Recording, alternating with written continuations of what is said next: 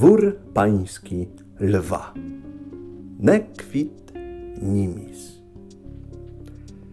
Król lew, chcąc poznać dworzany, wszystkie swe, mówię, poddane i pany, swój uniwersał przy wielkiej pieczęci wydał, kędy swe zaleciwszy chęci, wszystkim na jeden dzień schodzić przykazał, aby się w jego pałacu ukazał każdy z poddanych, a ukaz cesarski był groźny, jako jest czambuł tatarski.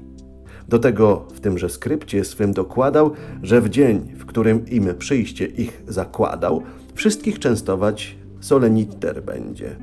Ten uniwersał publikowan wszędzie, wszędzie poruszył poddane zwierzęta, chłopy, mieszczany, szlachtę i książęta.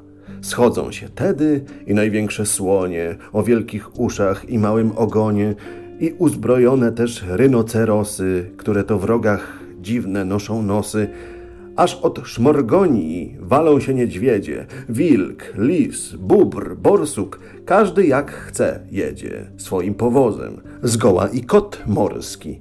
Każdy pokazał zwierz, że lwa jest dworski. A któż się zwierząt wszystkich narachuje? Dość mówić, że lew wszystkich ich przyjmuje. Prosi na pałac, po prostu jaskini, w której stolicę państwa swego czyni.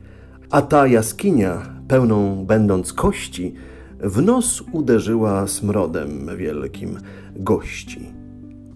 Niedźwiedź grubijan, nic niepolityczny, zatkał sobie nos garścią łapy śliczny. Pojrzy surowo lew na grubijana, pyta, czy śmierdzi izba jego pana? Niedźwiedź odpowie, jak wychodek śmierdzi. Aż lew król srogim gniewem się rozsierdzi, za łeb niedźwiedzia uderzył o ziemię, wycisnął duszę, rozbiwszy mu ciemię.